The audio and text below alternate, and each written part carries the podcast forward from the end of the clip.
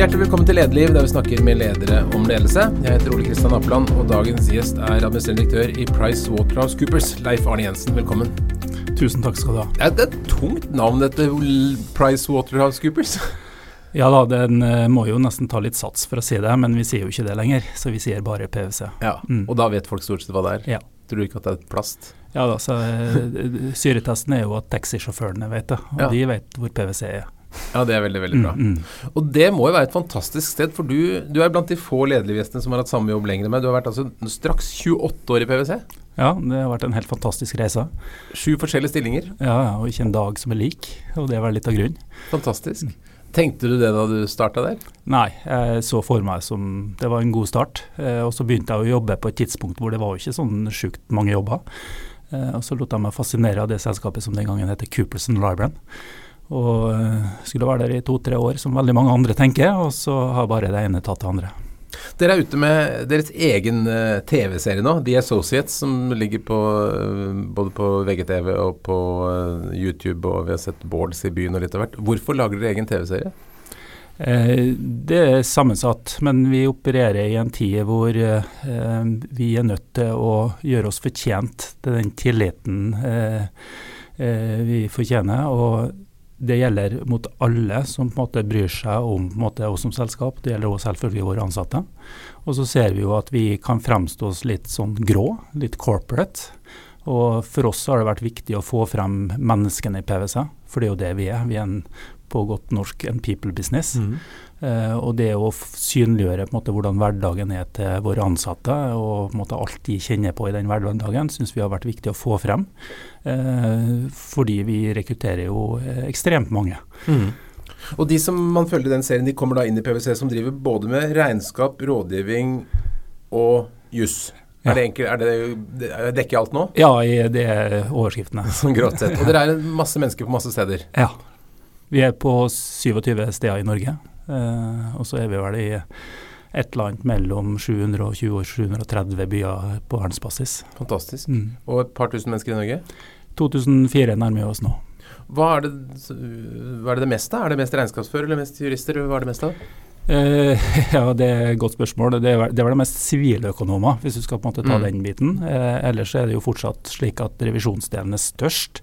Uh, men vi har mer omsetning i, på rådgivningskunder enn vi har på revisjonskunder. Og dere er jo en av, Det blir ofte som en av de fire store. Det er flere som, Et par har vært innom her også tidligere i Lederliv. Hva, hva tenker du skiller PwC fra de andre?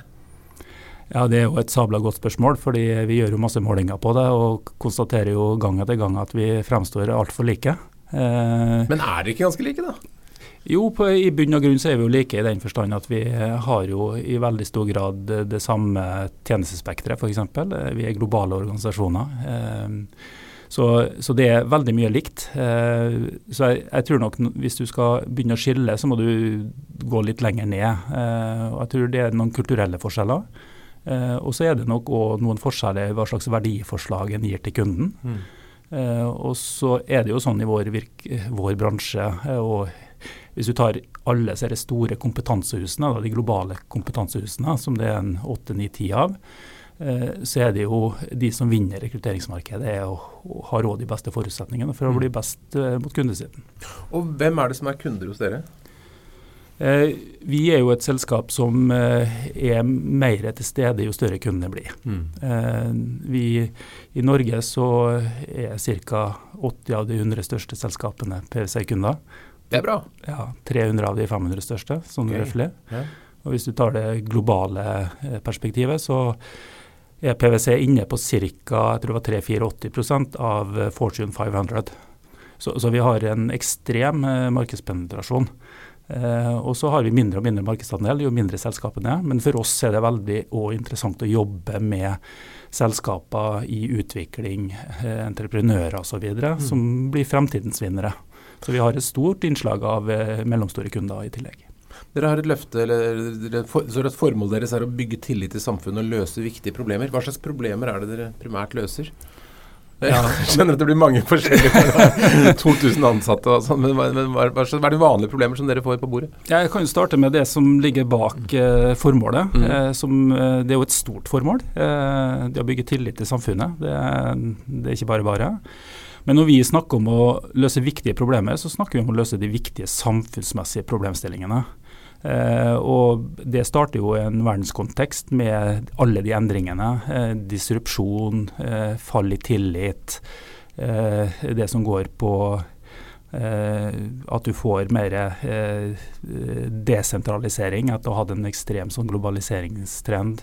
Så alle de tingene her som treffer økonomien på godt og vondt, ønsker vi å være med og påvirke i en positiv retning. Så, så, i det store bildet så ønsker vi å påvirke på et samfunnsnivå. Men i hverdagen så handler det jo det om å hjelpe kundene våre. Eh, og hvis du skal dra en overskrift eller en ingress på, på, hva vi ønsker å hjelpe kundene med, så er det å hjelpe dem å bygge tillit mot de eh, interessentene. De som bryr seg om selskapet. Og vi ønsker å hjelpe dem med å bygge modeller og forretningsstrukturer som står seg over tid. Eh, fordi det her er to av de store utfordringene. Vi har kjørt en undersøkelse globalt eh, hvor vi har spurt toppledere i over 60 land. Og Det som er fellesnevneren, og som bekymrer veldig, veldig mange av de, det er nettopp evnen til å ha tillit hos de du er avhengig av. Mm. Eh, og Det gjelder eh, kundene dine, det gjelder leverandørene dine, det gjelder de ansatte. Det gjelder selvfølgelig bankene og de som eier selskaper. Men, men bredden av Eh, interessenter er blitt mye større, og de bryr seg mer. Eh, så det gjør at du er nødt til som selskap å være ekte og helhetlig og ha et samfunnsengasjement osv. Og på den andre siden så må du samtidig evne å bygge en organisasjon som er eh, i stand til å endre seg, som er robust for de endringene som treffer en til enhver tid. Mm. Eh, og bygge kulturer som gjør at, eh, at, organisasjonen kan endre seg veldig raskt. Men nå, I Norge så er vi kjent for å være et land hvor folk har høy tillit til veldig mye. er det enklere for næringslivet i Norge enn i resten av verden? Ja, helt åpenbart. Og det er konkurransefortrinn. Eh, og det ser vi jo. Og det er det jo gjort målinger på, gjort forskning på, som viser at land med mye korrupsjon, lite tillit, har en vesentlig lavere verdiskapning. Så det her er et konkurransefortrinn for Norge. Mm. Eh, og vi har en, en arv i Norge som vi skal ta veldig veldig godt vare på. Og så ser vi jo noen tendenser til at vi eh, kanskje blir mer populistiske i Norge. Mm. Som vi må prøve å, å, håndtere. Og for vår del da, så er det jo viktig å Vi sitter jo på mye kunnskap og kompetanse. Så, så det å være en del av debatten og bringe faktum inn i diskusjoner, eh, ser vi som en viktig oppgave. Mm. Nå har vi hatt uh, noen år med pandemi, og så har vi en liten periode med, for, med krig, som vi håper kanskje ikke blir så altfor lang, men i hvert fall påvirket. Hvordan virker det på kundene deres? Ødelegger det, Rokker det ved tilliten på noen måte? Ja, altså eh, Det vi ser da når, når eh usikkerheten blir stor, så søker jo folk mot leirbålet. Mm. Eh, og det vi ser i hvert fall i en, i en, global kontekst, så ser vi jo at næringslivet er jo den eneste, hvis du kan kalle det en institusjon, da, eh, som opprettholder tilliten sin. Mm. Så næringslivet og arbeidsgiveren din er ekstremt viktig i, i tider med stor uh, usikkerhet. Um, og det er jo en posisjon som òg uh, bringer med seg mye ansvar uh, for næringslivet. så så må det om næringslivet på en måte får mindre tillit som følge av det som skjer rundt oss, eller større tillit, det er et godt spørsmål. og Det er ikke på en måte gitt at det er positivt eller negativt. Men næringslivet har i hvert fall en ekstremt viktig rolle for å balansere ut noen, noe av den polariseringen vi ser. Det er vel en, en, en, del land hvor man sliter med å få mm. folk tilbake på jobb etter pandemien. Mm, mm. Er det noe som er et problem i Norge òg? Eh, vi har ikke opplevd det som et stort problem. Vi har heller eh, slitt med å ha nok Eh, plass. Mm. Så vi har jo nå, nå utvida arealene våre, mm. rett og slett for å skape plass til de som kommer tilbake. Og i og med at vi, vi kjører litt sånn frihet under ansvar, eh, og det gjør jo at vi har eh, vel, altså en hybrid hverdag som gjør at vi faktisk trenger mer plass. Vi trenger flere små rom osv. som mm. du kan sitte alene.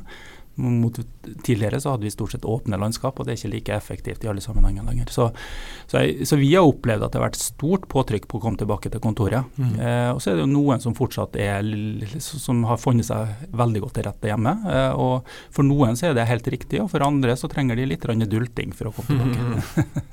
Men tilbake til, til ungdommen igjen. altså I Associate-serien så følger man jo unge som, mm. som begynner i eh, PwC, og følger dem over et år. og Jeg har forstått at nå til høsten så kommer det flere hundre nye unge hos dere. Er, det, er dette virksomheten avhengig av et kontinuerlig påfyll av masse unge folk? Eh, ja, mm. det vil jeg definitivt si, men det har jo aldri vært Er det fordi det er så fælt å slutte, Jobber der så alle, alle slutter med en gang, eller hvorfor er det sånn? Nei, altså det, det, er flere grunner til det. Eh, vi skal faktisk ta imot 285 graduates altså fra universitet og høyskole wow. nå i august. Det er mye. Og vi har aldri hatt så mange. Vet du hvor mye det er hvis du legger sammen både deg og, og KPMG og, og Ernst Young og Deloitte? Ja, det, det, vi, har, vi, har, sett på det. Jeg har vært eh, styreleder i Revisorforeningen et par år, og, og da har vi sett litt på det. og Da har han estimert ca. 5000 i løpet av en femårsperiode til revisjonsbiten. Wow. Så du må i hvert fall gange det med to, og antagelig en, eh, kanskje tre år, for å finne totaliteten. Så tusenvis av mennesker blir sugd inn i, i PwC og tilsvarende. Og, og, hva, hvorfor, hvorfor, må man fylle på så mye? Eh, det, altså det, er flere årsaker. For det første så er det eh, for oss, eh, for oss, så er det veldig viktig å få ny energi inn, inn i mm. virksomheten. Vi er ekstremt kompetanseintensiv. Vi er miljøer som, hvor det er generelt høy intensitet. Vi jobber med kunder som forventer mye av oss. Og, og, så, så, det er jo en krevende, men samtidig kjempespennende og utviklende jobb. Mm. Eh, og det er klart at I en sånn struktur så er det å få det påfyllet eh, av yngre ressurser kjempeviktig. Så Det er jo én bit av det. En annen bit, og, og det gjelder i hvert fall noen av tjenesteområdene våre, så er det veldig vanskelig å finne den type kompetanse vi trenger i markedet. Revisjon er jo helt eksepsjonell, hvor det knapt finnes et erfarent marked. Eh, hvor vi må, er helt avhengig av å bygge opp fra skolen. Mm. Så, så det, det, er litt ulike grunner til at vi gjør det. Eh, og så har vi sett nå over litt tid, at, og spesielt i utgangen av pandemien, at nå er det mye volatilitet i arbeidsmarkedet. og Da går jo turnover opp, og da må vi rekruttere enda flere. Mm. Så, så, det er spennende tider òg for oss på den fronten. Og hva, hva, er det dere ønsker at folk skal liksom ha som motivasjon for å komme til dere? Eh, vi ønsker jo at folk kommer til oss fordi de ønsker å utvikle seg både faglig og personlig. Eh, og sånn i, i, bunn og grunn så er det jo det vi tilbyr. Vi mm. tilbyr en uh, utviklingsarena eh, som er ganske ekstrem. Fordi eh, du møter for det første så møter du veldig mange flinke kollegaer, men du møter jo òg veldig mange flinke kunder. Sånn at, eh, så du får litt eh, det beste av to verdener. og, og i det der så kan du ha ulike karriereløp som er tilpassa dine ambisjoner og dine ferdigheter osv. Som, som gjør at det her er, det er rett og slett en stor utviklingsarena. Mm. For oss selvfølgelig, men det er òg en stor utviklingsarena for norsk næringsliv. Mm. Men Myten er jo at man kommer inn som sånn ung eh, medarbeider i konsulentfirma, så er det å jobbe dag og natt for, for eh, partnere som sitter på toppen og, og bestemmer. Hvordan er hverdagen? Er det, er det, er forventer at folk skal jobbe veldig veldig mye? Nei, det, det, er ingen, det, er ingen, forventning om det. Så, så, igjen så handler det om å Det med work-life balance er jo veldig personlig individuelt. Så mm. for oss så handler det om å legge til rette for eh, de ambisjonene den enkelte har. Og så er det nok litt myte at eh, det jobbes ekstremt mye. Eh, I perioder av året så jobber jo revisorene mye, av mm. naturlige årsaker. Eh, men konsulentene sånn generelt har ikke så ekstremt mange timer som vi hadde for 20-30 år tilbake. Mm, mm. Så det har endra seg ganske mye. Vi jobber på en annen måte. Eh, men opplevd eh, balanse i hverdagen har jo endra seg, fordi forventningene og alt du på en måte engasjerer seg i, er jo noe annet nå enn da jeg starta. Mm. Da, var det, da var det familie og jobb, og that's it, på en måte. Fortell meg litt om det. Hvordan var, hvordan var uh, livet ditt da du startet som konsulent for 28 år siden? Nei, da, jeg, jeg, jeg tror eh, livet var på en måte veldig oversiktlig. Eh, og på den tida så var det det var, Hvis du bare sto på og jobba hardt, mm. så vil det gå deg vel. Ja. Og jeg tror veldig mange i min generasjon jobba hardt. Eh, og Det er sikkert mange grunner til det. Eh, vi kom jo på en måte inn i arbeidslivet på en tid hvor det ikke var gitt at det var jobber. Eh, eh, og jeg tror de fleste av vår generasjon vokste opp i en tid hvor ikke nødvendigvis norske familier hadde så mye å rutte med heller. Mm. Så, så, jeg tror det er mange ting som har påvirka det, men, men uh, i hvert fall så var, var det, å, det, å, stå på og jobbe hardt, det var liksom en sånn gjennomgangs... Det var liksom litt gullstandarden. da. Mm. Uh, og så jobba han ikke nødvendigvis rett, så det var mer mengde enn kvalitet, mm, mm. kanskje. Uh, og det, det, har jo heldigvis endra seg veldig mye i dag. Mm. Så jeg leste meg til at du en periode jobbet ganske mye mot et selskap i Bergen? Ja, så jeg var òg eh, bergenser en periode. og ja. Det skyldes jo den samme årsaken som for veldig mange andre. Jeg har en kone som er fra Bergen, så, mm -hmm. så jeg var, var, der og var med å utvikle bergensmiljøet mm -hmm. til PwC. Så det var kjempespennende. Men du har også opplevd å være sånn pendler tvers over fjellet Abs i perioder? Ja. Absolutt. Fly hver dag? Og... Ja da, så, så, jeg har gjort min dose reising. Mm. Eh, opp med og reiste med Fakir-flyet, som de kalte det. Ja, ja. Kvart over seks-flyet fra Bergen. Det var tjokka fullt hver dag. og det var jo Det blir jo litt som å ta bussen når du blir mm. vant til det. Mm. Du, du bruker ikke så veldig mye energi på det. Eh, så, men da vi flytta tilbake til Østlandet igjen, så, så, var det deilig å slippe det. Det må jeg si. Men generelt, den tiden hvor Nå har jeg ikke vært på Fakir-fly på lenge, men, men eh, den, det er vel noe med den måten vi har begynt å jobbe med digitalt sånn, som gjør at det kanskje ikke er så mange som behøver å fly frem og tilbake til Oslo Bergen hver dag? Ja, ja nei, det, det, er helt riktig. Og, og, det er klart at vi, vi trengte jo ordentlig, et ordentlig spark i baken. Mm. Eh, og det, med pandemien og, og digitalisering og ta i bruk de løsningene som har vært der i mange, mange år. Så, så, det er ikke noe tvil om at vi, eh, vi, jobber annerledes nå. Mye mer hybrid, mye mer møter som er digitale. Og det gjør jo at disse kort, korte møtene som du drev og fløy til tidligere, de flyr du ikke til lenger. Hvordan er utviklingen i, i flybudsjettet til eh, PwC? Ja, Under pandemien så det jo, er det jo bare en brøkdel. Eh, og vi har jo ambisiøse klimamål som veldig mange andre, og prøver jo nå å flyte på den bølgen at vi har tatt ned forbruket så mye som vi har gjort, mm. eh, og legger til rette på en helt annen måte. Vi har endra nesten alle prosessene våre under pandemien, og veldig mye av det er, er, veldig riktig nå.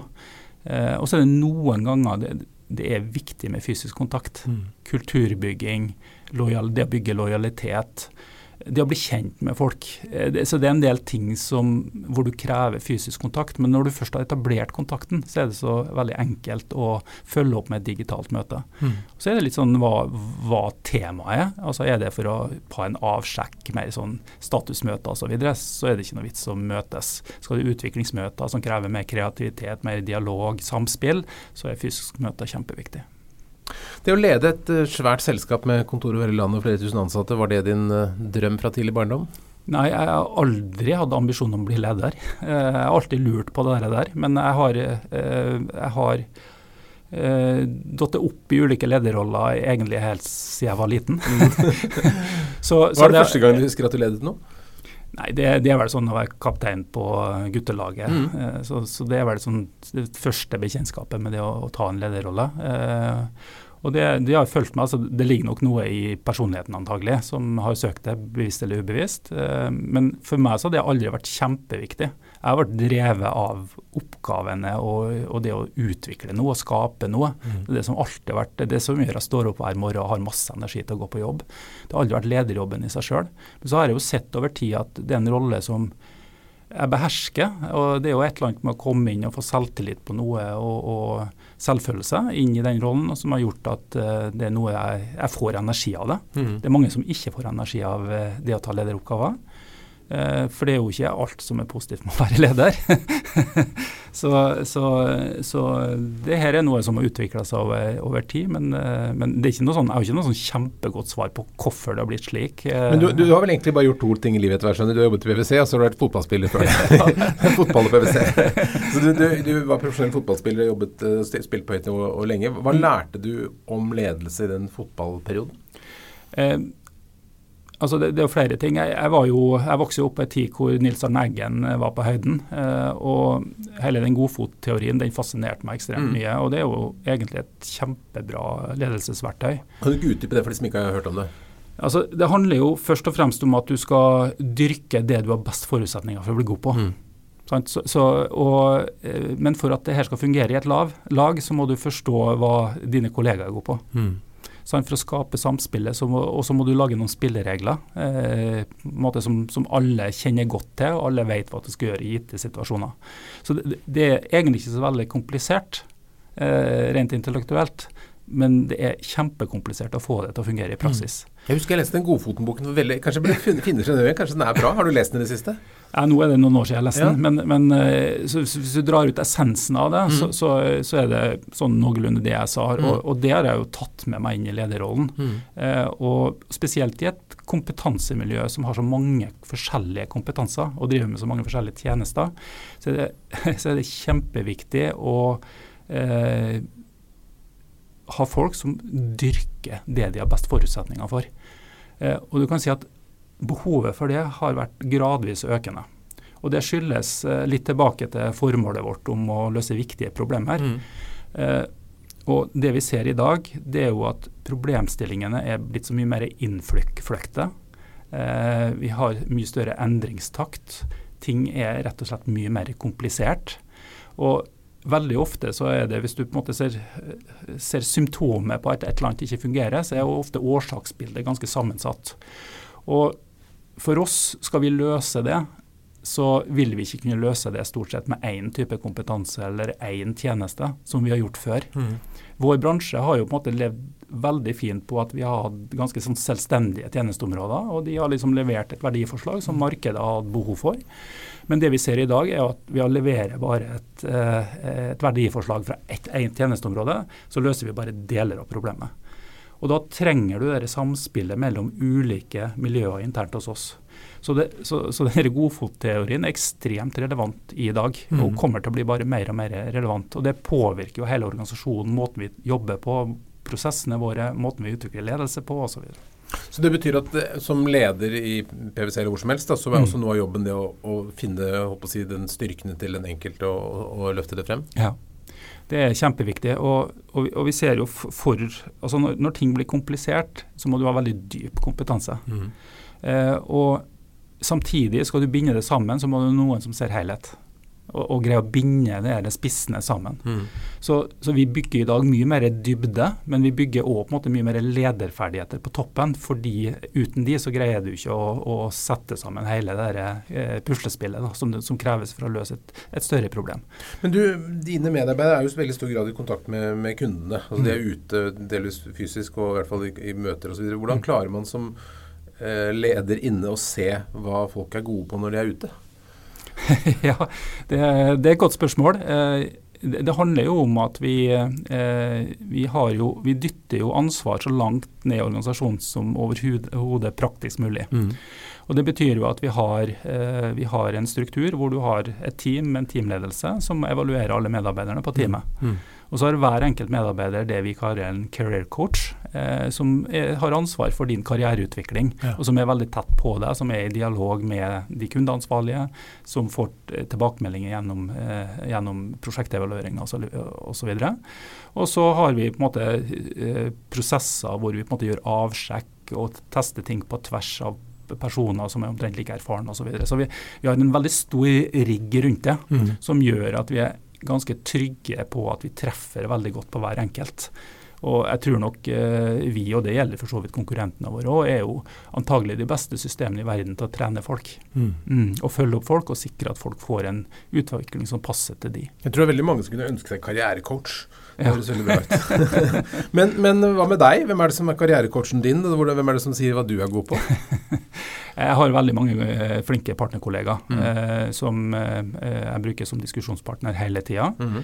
Men jeg har jo òg underveis valgt å bruke et par av våre yngre ansatte som coach. Mm. og det har vært kjempespennende. De kommer jo inn med en helt annen virkelighetsbilde og perspektiver osv. For meg så har det vært kjempelærerikt. Eh, for det er jo et eller annet sånn at uh, En blir jo selvfølgelig litt påminnet når en står opp om morgenen om at en er blitt eldre, men, men inni hodet og hjertet så føler en seg fortsatt som om en er 25. Absolutt. Vi tenker så, ja. så, så, så, det å få den tilgangen og få de perspektivene er kjempeviktig mm. for meg. Og så uh, har jeg, og det er noe en har blitt mer og mer bevisst på, uh, og det er jo hvordan inkludere folk som er forskjellige fra deg sjøl. Uh, og litt tilbake til fotballen. Da. Der er jo fotballen helt fantastisk. Mm. For det er jo en idrett som trekker på folk fra alle samfunnslag med alle mulige bakgrunner. Så det er jo en smeltedigel på, på, fotballbanen, og du skal sette det sammen til et fungerende lag. Så det er jo på en måte noe jeg har tatt med, jeg tatt med meg inn, inn, i næringslivet og som leder. Og, og, og, det er jo nettopp å måte være nysgjerrig. Mm. Uh, det å være nysgjerrig på mangfoldet det å invitere inn folk i dialog som, som, du kanskje naturlig ikke søker deg mot. Det er lett for at du går mot de gutta som måte ser omtrent ut som deg sjøl, og som mm. snakker fotball rundt kaffemaskinen. Men som leder så må du aktivt måte søke det mangfoldet, være nysgjerrig på mangfoldet. Og Det er noe som en har blitt mye mer bevisst på jo eldre en har blitt, egentlig. Hva, hva tenker du er største forskjellen på dagens uh, nyutdannede og, og deg selv som ny PwC-konsulent? Eller noe annet navn den gangen, da, men ja. ja eh, ja, eh, godt spørsmål. Eh, jeg tror det jeg ser, er jo at de som kommer i dag, de er veldig mye bedre trent på en del ting som handler om kommunikasjon, mm. evne til å formidle. Eh, det å takle, eh, det å eh, eh, være synlig. og så er, er jo skolesystemet er jo mye bedre i dag enn det var mm. den gangen. Eh, og jeg ser det jo på, en måte på pensum på sånn som Handelshøyskolen i dag er jo noe helt annet. Selv om veldig mye av grunnpilaren er det samme, så, så er jo eh, kompleksiteten og det du lærer på et annet nivå. Så de er rett og slett dyktigere enn hva vi var. Eh, men, men, de, men, vi ser at de er spesielt mye dyktigere på de tingene enn nevnte først. Mm. Mm. Men det er jo også sånn at uh, veldig mange trekker frem akkurat dette med ungdom. og man, I stillingsorganisasjonen sånn, vi er et ungt og kult miljø, og det mm. bilder dere viser frem film med, med kule unge mennesker. Men det er jo også et, et uh, Det er ganske mange mennesker etter hvert med mellom 60 og 70. altså Hvordan, mm. hvordan holder man dem uh, Hvordan utnytter man den ressursen best? altså for vår del så handler det jo om eh, hvordan du setter sammen team. Mm. Eh, og, og, det vi ser er jo at eh, mangfoldet det handler jo ikke bare om kjønn og etnisitet og skolebakgrunn, men det handler jo om alder. Eh, så, så, det å trekke på de som har lang erfaring, eh, er kjempeviktig. Og, og, det er jo sånn at Når du er leder, så er det jo eh, I PwC så har vi, vi utvikla eller måte, skrevet om seks sånne eh, paradokser i det å være, ledelse, eh, være, leder. Og En av de paradoksene er jo at det har aldri vært større behov for å se fremover og gjøre endringer. Men samtidig så er det òg veldig viktig å holde på det som faktisk fungerer i bånn. Mm. Og, og, og, som er på en måte litt Så du ikke sender babyen ut med badevannet. Så det å greie å balansere det er kjempeviktig. Og det er klart at der er jo erfaring helt avgjørende. Så, så, så, så, det å inkludere og på en måte det mangfoldet er jo nøkkelen. Mm. Mm. Hvis vi sammenligner fotball da, og PwC, så er det sånn i fotball så ligger reglene ganske fast, mens uh, i næringslivet så forandrer det seg. Hva, hva, er de store tingene som påvirker og skaper endring, eller behov for endring hos dere? Ja, eh, den endringen som, som, treffer oss, eh, er jo den endringen som skjer hos kundene våre. Mm. Eh, og, og, kundene våre er jo påvirka av det som skjer rundt oss. Eh, og Eh, noe vi har sett mer og mer av, er jo den disrupsjonen som skjer av ulike årsaker. Det kan være av digitalisering, det kan være av eh, klimaendringer og det kan være av eh, krig i Ukraina osv. De, eh, de endringene må på en måte kundene våre adressere. Eh, og Det er det som også driver endring hos oss og mm. innovasjon hos oss. Og, og Veldig ofte så driver vår innovasjon drives gjerne på en måte i samarbeid med kundene våre. Så, så, det er de store, store temaene som på en måte tvinger selskaper til å gjøre endringer, som er de store driverne. Mm. Mm. Men du sitter jo med på toppen, så du har oversikt over utvikling i veldig mange bransjer. Mm. Hva tenker du blir de største utfordringene for norsk næringsliv og samfunnsliv i årene fremover? Eh, ja, det er jo et stort spørsmål, fordi vi er jo i en situasjon hvor vi kommer til å falle ned petroleumsinntekter, selv om det ser lyst ut akkurat nå. Mm. Ehm, vi har eh, en sammensetning av befolkningen eh, hvor vi blir eldre og eldre. Ehm, eh, hvis jeg ikke husker helt feil, så er det de som går ut i arbeidslivet i dag, de vil ha ca. to sysselsatte bak seg når de blir pensjonister i 2060, mm. mot at vi har fire bak hver pensjonist i dag. Ja. Så, så, så, så, det er nødt til å skje en formidabel omstilling av både næringslivet i Norge og ikke minst offentlig sektor. Uh, og uh, I tillegg så har vi jo veldig lav eksportandel. Vi, vi, er på en måte en veldig liten del av verdenshandelen. Mm. Uh, og, og, det er klart at når vi er så petroleumsavhengige som vi er, så er jo den omstillingen og det grønne skiftet er jo på en måte det som er helt avgjørende. Det å skape ny industri og på en måte halen av det grønne skiftet, det er en stor oppgave. Og det er en stor oppgave for politikerne, som er nødt til å ta noen djerve valg. Eh, det hjelper ikke med litt flikking her og der, for det er ikke nok. Og vi trenger et næringsliv, vi trenger et, et entreprenørskap i næringslivet for å drive frem innovasjon og nye måter å tenke på, og skape nye inntektskilder for Norge. Og jeg, tror mange ikke helt tar inn over seg hvor måte, store endringer som vil kreves Eh, det er alltid krevende å skape en burning platform når ting går veldig bra, mm. som det egentlig går i, Norge, selv om vi har noen utfordringer. Så, så, Jeg møter jo kollegaer fra resten av verden og ser jo hvordan de sliter. Hvordan spesielt små og mellomstore bedrifter har blitt ekstremt rammet under pandemien. Uh, og hele måten vi kan finansiere uh, næringslivet for å måte holde det gående gjennom en pandemi. Alt dette her gjør jo at vi, vi det er mulig vi av og til tror at vi kan gå på vannet, og det kan vi ikke. Og, vi, og det her kommer til å treffe oss ganske tungt. Så jeg tror det er nok den store, og det å skape den endringsviljen. Mm. Vi, har, vi, har, jo egentlig veldig mye av det som skal til. Vi har eh, naturgitte forutsetninger som alle misunner oss. Vi har en stor andel av vindreserven i Europa ute på norsk sokkel. Mm. Eh, vi har kompetansemiljøer som mange misunner oss. Det er jo ingen som bruker så mye eh, penger på utdanning per hode som Norge. Eh, I hele på en måte, i hvert fall EMEA eller på en måte mm. eurosonen. Så, så, så, vi har alle forutsetninger. Eh, men, et, men endringene krever et samarbeid. Og et samarbeid mellom aktører i næringslivet, mellom eh, politikere og næringsliv osv. Eh, som krever litt eh, ja, det krever litt mer fyr på det bålet enn vi har akkurat nå. Så Mener du at oljeinntektene våre er et slags problem for at de forhindrer eh, at de lager ikke nok press for omstilling? Ja, det mener jeg er helt åpenbart. Mm. Eh, og så er det Jeg tror nok det, det er viktig med en, en smart omstilling. Eh, men så lenge eh, alle pumpene går, så er det klart at veldig mye av kompetansen blir innlåst mm. i det som eh, er mer historien vår, da, mm. eh, fremfor det som skal bli fremtiden vår. Eh, sånn at alle ingeniørene og alle som sitter med en fantastisk kompetanse i Norge, som vi trenger inn i det grønne skiftet, eh, da, må, da, kreves det større grep for å få frigjort det. Og det mm. trenges insentiver for å få frigjort det. Og vi I PwC så er vi en del av eh, det som heter Skift, som er et klimanettverk eh, som er drevet av lederne i de ulike selskapene. Og det jeg opplever, er at norsk næringsliv står jo klar. Mm. Eh, så, så, men vi trenger noen som legger til rette, bygger infrastruktur osv. som gjør at eh, vi ser at vi kan investere, eh, og investere tungt. Mm. Da må vi ha eh, tydelige rammebetingelser over tid. Men trenger vi på en måte en, en nedtur eller en krise sånn for, å, for å få fart på innovasjonen? Altså, det er ikke tvil om at uh, en aldri hvert fall, Vi ser jo av erfaring at en mm. krise er en, en god insentivator for, uh, for endring. Uh, jeg håper jo at vi ikke trenger det, og jeg håper at vi i fellesskap med politikere osv. greier å skape den endringstakten uten det. Mm. Men det er jo av og til jeg går og lurer. Mm.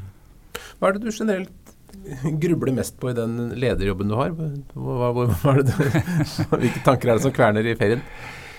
Eh, det er jo sammensatt, eh, men, men, jeg tror det som vi alle kjenner på nå, det er jo eh, tilgang på flinke folk. Mm. Det tror jeg de aller fleste virksomheter, eh, om det er konsulentselskaper eller om det er selskaper, industrien osv., så, videre, så er det tilgang på flinke folk. Og innenfor en del områder som er viktige for oss, eh, er det rett og slett det mange utdannes ikke nok folk. Mm. Så vi må begynne å se over landegrensene. Men vi ser jo at akkurat det samme skjer i Europa, det samme skjer i USA. Så, så lenge verdensøkonomien utvikler seg måte sånn som den gjør nå, i positiv retning, selv om det er noen skyer på himmelen med renter og inflasjon osv., så, videre, så er det ikke tvil om at det er det som bekymrer meg mest. Betyr det også noe for din egen rolle, at du må bruke mer av tiden din på, på rekruttering og, og, ambassadørvirksomhet? Ja, jeg bruker relativt sett veldig mye av tida mi på det. Mm. Å engasjere meg, snakke med studenter, snakke med våre yngre ansatte osv. Fordi eh, den kampen om hodene har vel vi aldri har opplevd har vært tøffere enn den er nå. Og da må vi som selskap ha et verdiforslag som er attraktivt. Eh. Men, men, samtidig, da, dette er noe som opptar meg veldig, for samtidig som vi har et veldig press på arbeidskraft, så er det jo masse folk som står utenfor. Mange unge som ikke gjør noen ting, og massevis av folk som er uføretrygd osv. Kunne dere vært med på å gjort mer for å få folk inn? Ja, det kunne vi helt sikkert. Eh, vi gjør noe. Eh, vi tar inn, vi tar inn noen som har falt utenfra av og til i samarbeid med Nav osv. Så, videre. så, vi, så, vi, så vi har et bitte lite bidrag til det, men vi kunne helt sikkert gjort mer. Og vi ser jo at en del av tjenestene våre Vi har jo et, eh, et, veldig kraftfullt cybermiljø som jobber med sikkerhet, mm. nettsikkerhet osv. Og I det miljøet så er jo eh, sammensetning og bakgrunn til en del av de som er der, er jo helt annerledes. Altså det, vi har, Der kommer vi, gamerne inn der? Ja, altså det, det, er en helt annen sammensetning. Mm. Og hvordan de har bygd kompetansen er jo gjerne annerledes enn oss som har gått, liksom den, gått skolen da, på mm. tradisjonelt, tradisjonelt, vis. Så eh, ja, vi kunne definitivt jobb, gjort mer enn vi gjør. Eh, og vi, det er viktig for oss å bidra på ulikt vis. da. Vi mm Eh, vi har initiativ eh, i forhold til flyktninger fra Ukraina nå. Vi har eh, initiativ for å sikre at andre innvandrergrupper på en måte har tilgang til innsikt og kunnskap om det norske samfunnet. Så vi bidrar på mange forskjellige områder for å på en måte trekke folk som har falt utenfra inn. Så det, det er en viktig del av samfunnsoppdraget vårt. Mm. Det er et eller annet med Når du blir stor eh, som PwC, så, så, har du et samfunnsansvar som går ut over enkeltindivid og enkeltkundene. Mm. Når koser du deg mest i jobben? Eh, jeg koser meg jo mest når jeg ser hva vi kan få til når vi kobler sammen ulike ferdigheter og kompetanser. Altså når du skaper noe eh, som ikke var venta, eller det gir fantastisk mye energi. Når du ser, ser de fantastisk flinke unge folkene eh, samskape, det, det, er utrolig fint å se. Mm. Og så må jeg jo si at det å være i en organisasjon som har så mange unge, det, det gir masse energi i hverdagen, og er noe som holder oss som sikkert noen vil omtale som litt gamle etter hvert, eh, holder oss oppe og, og, og gjør at vi finner ny energi i jobben vår. Mm.